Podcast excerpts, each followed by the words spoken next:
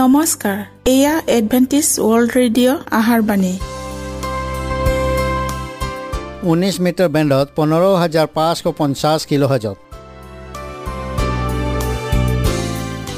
Adventist World radio যোগে অসমীয়া ভাষাত প্ৰচাৰিত আহাৰবাণী প্ৰত্যেক বুধবাৰ আৰু দেওবাৰ সন্ধিয়া সাত বজাত আহাৰবাণী শুনাৰ পিছত আপোনালোকৰ কিবা মন্তব্য আৰু প্ৰশ্ন থাকিলে আমালৈ এই ঠিকনাত লিখক। আমাৰ ঠিকনাটি হৈছে Adventist World Radio' seven day Adventist মণ্ডলী অসম শাখা লতাকাটা বশিষ্ঠ গুৱাহাটী সাত আঠ এক শূন্য দুই ন।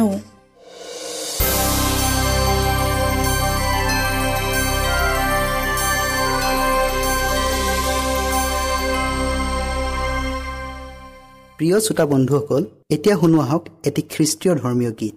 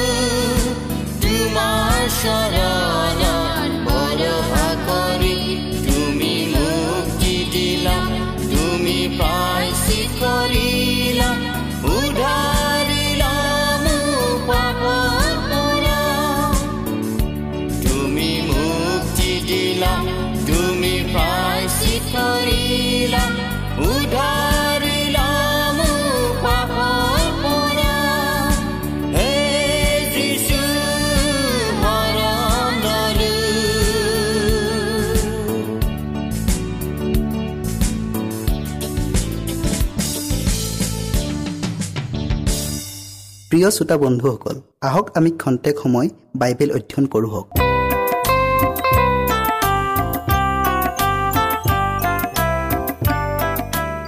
প্ৰিয় শ্ৰোতাসকল নমস্কাৰ।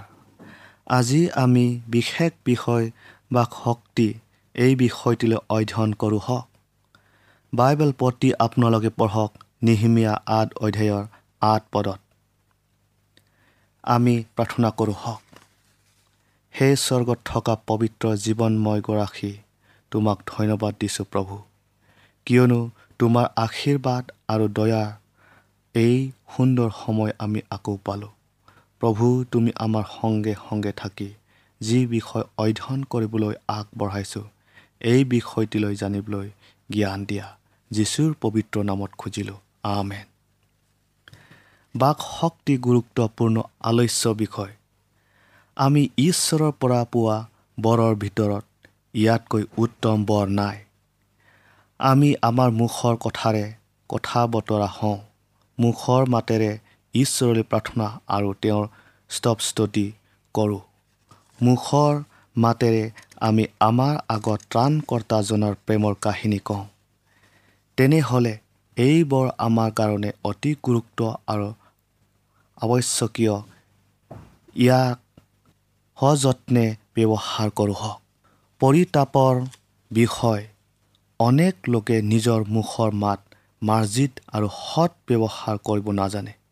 আনকি বুদ্ধিমান আৰু নিজকে ঈশ্বৰ বিশ্বাসী লোক বুলি পৰিচয় দিয়াবিলাকেও মৃদু মাতেৰে কথা ক'ব নাজানে।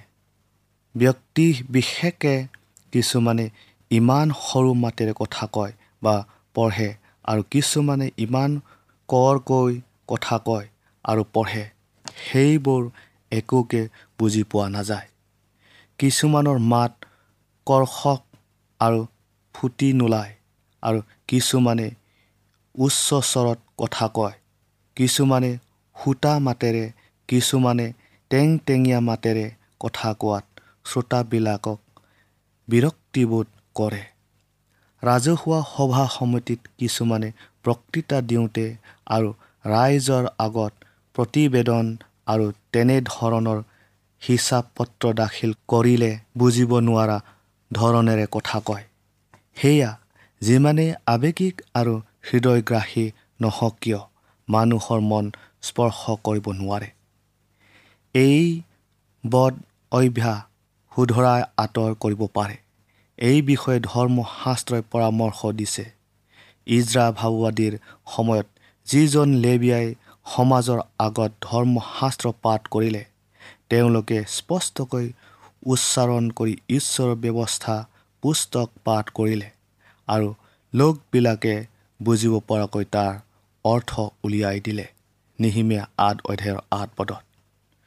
প্ৰিয় শ্ৰোতাসকল প্ৰয়োজনীয় বিষয়টো হ'ল এই বদ অভ্যাস কঠোৰ প্ৰচেষ্টাৰে ত্যাগ কৰি আটাইয়ে সুস্পষ্ট আৰু বুজিব পৰাকৈ হৃদয়গ্ৰাহী সাৱলীল মাতেৰে ক'ব চেষ্টা কৰিব লাগে। এইদৰে কাৰ্যদক্ষতা প্ৰসাৰিত কৰি কৃষ্টৰ কাৰ্যৰ অৰ্থে যজ্ঞবান কৰিব পাৰোঁ।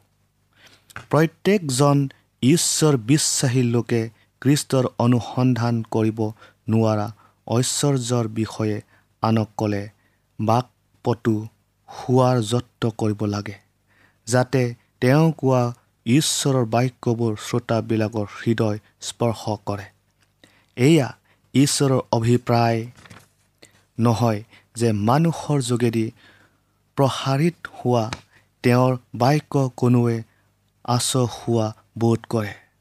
এইটো ঈশ্বৰৰ ইচ্ছা নহয় যে মানুহৰ যোগেদি জগতলৈ প্ৰবাস কৰা স্বৰ্গীয় বাণীবোৰ মানুহে তুচ্ছ জ্ঞান বা সেৱ জ্ঞান কৰে। আমাৰ নিকুট আদৰ্শ যীশুলৈ দৃষ্টি কৰোঁ আমাৰ শৰীৰৰ প্ৰত্যেকটো অংগ প্ৰত্যংগকে তেওঁৰ শক্তিৰে নিখুঁটভাৱে তেওঁৰ কাৰ্যত পৰিচালনা কৰিবলৈ পবিত্ৰ আত্মাৰ সাহাৰ্য প্ৰাৰ্থনা কৰোঁ হওক বিশেষকৈ যিবিলাকক সামাজিক স্বাৰ্থৰ অৰ্থে পৰিচৰ্যা কৰিবলৈ আহ্বান কৰা হৈছে। তেওঁলোকৰ নিমিত্তে প্ৰযোজ্য। প্ৰত্যেকজন কৰ্মীয়ে আৰু প্ৰত্যেকজন শিক্ষকে মনত ৰখা উচিত যে তেওঁলোকে জনসমাজত কোৱা কথাবোৰ অনন্ত জীৱনৰ সৈতে জড়িত।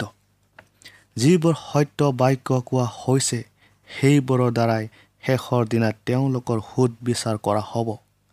আৰু কিছুমানে যেনে কৰ্ম কৰিলে সেই অনুপাতে তেওঁলোকক গ্ৰহণ বা অগ্ৰাহ্য কৰা সিদ্ধান্ত লোৱা হ'ব।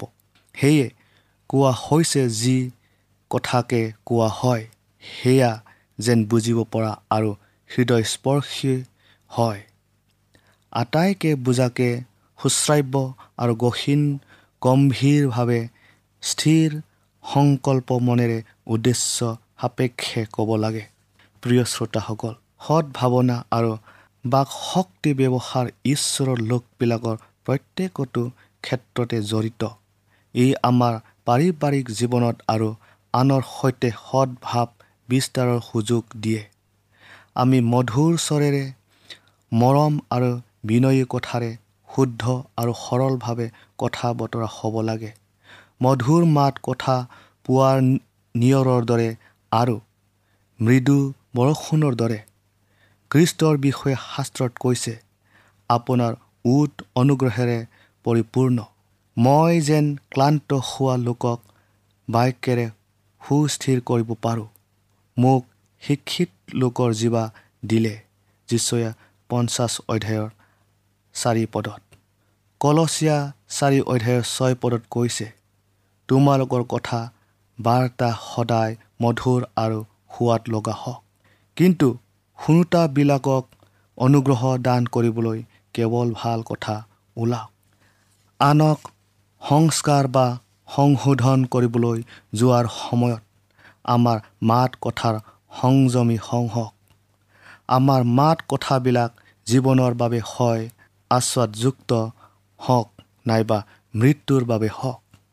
অনেকক কথা বতৰাত সতৰ্ক কৰা বা পৰামৰ্শ দিয়াত উৎসাহ নেদেখুৱাই তাৰ পৰিৱৰ্তে কৰ্কশ মাতেৰে আনৰ আঘাতিত হৃদয়ক অধিক যন্ত্ৰণাময় কৰি তোলে।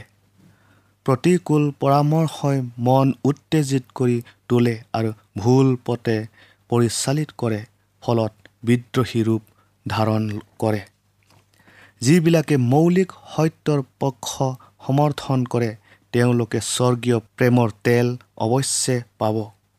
যিকোনো পৰিস্থিতিতেই প্ৰেমৰ মাতেৰে সমস্যা সমাধান কৰিব লাগে তেহে আমাৰ মুখৰ কথাই সংস্কাৰ সাধন কৰিব ৰুষ্ট নকৰিব। ইয়াৰ কাৰণে কৃষ্টই তেওঁৰ পবিত্ৰ আত্মাৰ দ্বাৰাই বল আৰু শক্তি যোগাব কাৰণ এই কাম তেওঁৰ। পৰামৰ্শহীন বা যুক্তিবিহীন কথাত কোনেও মাত নামাতক। কৃষ্টৰ অনুগামীজনৰ উত্তৰ পৰা কোনো প্ৰকাৰৰ কু কথা অমূলক কথা অযুক্তি পৰামৰ্শ বা অশালীন দিহা পৰামৰ্শ ইত্যাদি নোলাব। পবিত্ৰ আত্মাৰ দ্বাৰাই চালিত হৈ পাচনি পৌলে লিখিছে তোমালোকৰ মুখৰ পৰা কোনো বেয়া কথা নোলাওক ইফিচিয়া চাৰি অধ্যায় ঊনত্ৰিছ পদত।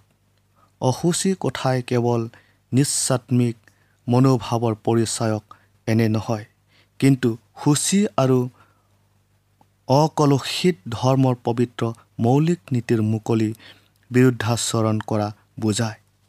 দূষিত বাতাৱৰণ সৃষ্টি কৰি গুপুতে লাহে লাহে অনধিকাৰ প্ৰৱেশ কৰে। উচিত সময়ত প্ৰতিশোধ নকৰিলে মহাপাপত লিপ্ত হোৱাৰ আশংকাই প্ৰবল। প্ৰিয়সকল প্ৰত্যেক পৰিয়ালক প্ৰত্যেকজন ঈশ্বৰ বিশ্বাসী ব্যক্তিক অসুচী মাত কথাৰ বিৰুদ্ধে বাধা প্ৰদান কৰা দায়িত্বভাৰ ন্যস্ত কৰা হৈছে। যেতিয়া কোনোবা সংগ বা লগৰীয়াই অনুচিত কথাত মগ্ন হোৱা দেখা যায় আমাৰ কৰ্তব্য হৈছে যদি সম্ভৱ হয় সেই কথা বতৰাৰ বিষয়টোকে সলনি কৰি দিব লাগে। ঈশ্বৰৰ শক্তিৰে এই অনুচিত মাত কথাবোৰ আঁতৰাই জ্ঞানদায়ক কথা বতৰাৰ অৱতাৰণা কৰিব পাৰোঁ। নিজৰ ল'ৰা ছোৱালীক ভদ্ৰ আৰু অমায়িক হ'বলৈ আৰু তেনেকৈ কথা বতৰা শিকোৱা পিতৃ মাতৃ দায়বদ্ধ। ঘৰখনে শিশুবিলাকৰ উক্ত শিক্ষাবোৰৰ বাবে উত্তম বিদ্যালয়। শিশুকালৰে পৰাই নম্ৰ আৰু ভদ্ৰতাৰে কথা ক'বলৈ নিজৰ পিতৃ মাতৃক আৰু আন লোককো সন্মান কৰিব শিকাব লাগে। শিশুবিলাকক এইটো শিকোৱা অতি আৱশ্যক যে সিবিলাকৰ মুখৰ পৰা সদায় নম্ৰ সত্য আৰু নিৰ্মল বাক্য উচ্চাৰিত হ'ব লাগে। আনহাতে পিতৃ মাতৃবিলাকেও দৈনিক কৃষ্টৰ আৰ্শীৰে অনুপ্ৰাণিত হওক। তেহে বিধি আৰু আদৰ্শৰে নিজৰ সন্তানবিলাকক শিক্ষা দি উপযুক্ত কৰি তোলক। তাৰ বাবে সমালোচনা কৰিব নোৱাৰা নিৰাময় বাক্য ব্যৱহাৰ কৰক। তেওঁলোকৰ প্ৰতি এয়া অতি মহান আৰু দায়িত্বশীল কৰ্তব্য। কৃষ্টৰ অনুগামী হোৱাত আমাৰ মাত কথাবোৰ ইজনে সিহঁতৰ সৈতে মধুৰ আৰু উৎসাহজনক হওক। আমাৰ অতীত জীৱনেৰে হওক বা বৰ্তমান জীৱনেৰে হওক উৎসাহমূলক অভিজ্ঞতাৰ কথাহে ক'ব লাগে। আমি ঈশ্বৰৰ দয়া প্ৰেম অনুগ্ৰহ আৰু ত্ৰাণকৰ্তাজনাৰ অতুলনীয় প্ৰেমৰ কাহিনী কওঁ হওক। মধুৰ কণ্ঠেৰে তেওঁৰ স্তুতি কৰি ধন্যবাদ কৰোঁ হওক। যদি আমাৰ মন আৰু হৃদয়বোৰ ঈশ্বৰৰ প্ৰেমেৰে পৰিপূৰ্ণ তেনে কথা বতৰাত সেইবোৰ প্ৰকাশ পাব। আমি আমাৰ আত্মিক জীৱনত প্ৰৱেশ কৰা বৰবোৰ আনক বিলাই দিবলৈ কণ্ঠবোধ নহয়। বৃহৎ কল্পনা মহৎ উচ্চাকাংক্ষা সত্যৰ প্ৰতি স্পষ্ট ধাৰণা নিস্বাৰ্থ উদ্দেশ্য পবিত্ৰতা আৰু ধাৰ্মিকতাৰ নিমিত্তে স্পৃহা এইবোৰৰ কথাৰ ফল ধৰিব যিবোৰ হৃদয় ভঁৰালৰ পৰা দৃশ্যমান হ'ব। যেতিয়া কৃষ্টক আমাৰ মাত কথাৰে প্ৰকাশ কৰোঁ তেতিয়া অনেকক তেওঁলৈ অনাৰ শক্তি পাওঁ। যিবিলাকে এতিয়াও কৃষ্টক চিনি নাপায় তেওঁলোকৰ আগত তেওঁৰ কথা কওঁ হওক। কৃষ্টই যি আৰ্শী দেখুৱাই গ'ল আমিও সেই পথকে অনুসৰণ কৰোঁ হওক। তেওঁ য'তেই আছিল নামঘৰতেই হওক বাটৰ কাষতে হওক নাৱতে হওক সৰিচিৰ ভোজনতে হওক কৰ তোলাৰ মেজতে হওক ঈশ্বৰৰ বাক্য অৰ্থাৎ অনন্ত জীৱনৰ বাক্য মানুহবিলাকৰ আগত কৈছিল। তেওঁ পাৰ্থিৱ বস্তুবোৰৰ সৈতে জড়িত থাকিলেও ঈশ্বৰৰ বাক্যৰ সৈতে একাত্মক সম্বন্ধ আছিল। তেওঁৰ শ্ৰোতাবিলাকৰ মন তেওঁলৈ আকৰ্ষিত হৈছিল। কিয়নো তেওঁ সিবিলাকৰ ৰোগ সুস্থ কৰিছিল দুখৰ সময়ত সান্তনা দিছিল সিবিলাকৰ শিশুবিলাকক নিজৰ কোলাত তুলি লৈ মৰম কৰি আশীৰ্বাদ কৰিছিল। তেওঁ কথা কোৱা সময়ত মানুহবিলাকে নিজম দি শুনিছিল কিয়নো তেওঁৰ মুখৰ বাক্য হৃদয় স্পৰ্শী আৰু ক্ষমতাযুক্ত আছিল। প্ৰিয় শ্ৰোতাসকল আমালৈকো সেই একে ৰূপে হওক আমি য'তেই নাথাকোঁ আমাৰ আগত আমাৰ ত্ৰাণকৰ্তাজনাৰ বিষয়ে ক'বলৈ দ্বিধাবোধ কৰিব নালাগে। আমি কৃষ্টৰ আদৰ্শৰে অনুপ্ৰাণিত হোৱা যি তেওঁৰ সেই যুগৰ শ্ৰোতাবিলাকৰ দৰে আমাৰো হৃদয় মুকলি কৰি দিব। হঠাৎ বা ততাতৈয়াকৈ নহয় কিন্তু স্বৰ্গীয় প্ৰেমৰ সহায়েৰে তেওঁলোকৰ আগত দহ হাজাৰৰ ভিতৰত অগ্ৰগণ্য যিজনা অতিশয় মধুৰ সম্পূৰ্ণৰূপে মনোহৰ। তেওঁৰ বিষয়ে ক'ব পাৰিম এই অতি উত্তম সাক্ষ্যৰ বাবে আমাৰ বাক শক্তি ব্যৱহাৰ কৰিব পাৰোঁ।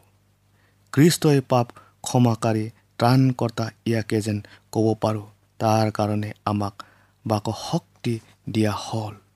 প্ৰিয় শ্ৰোতাসকল আজি ইমানে আশা কৰোঁ আপোনালোকে পৰৱৰ্তী অনুষ্ঠান শুনিবলৈ নেপাহৰিব ঈশ্বৰে আপোনালোকক আশীৰ্বাদ কৰক।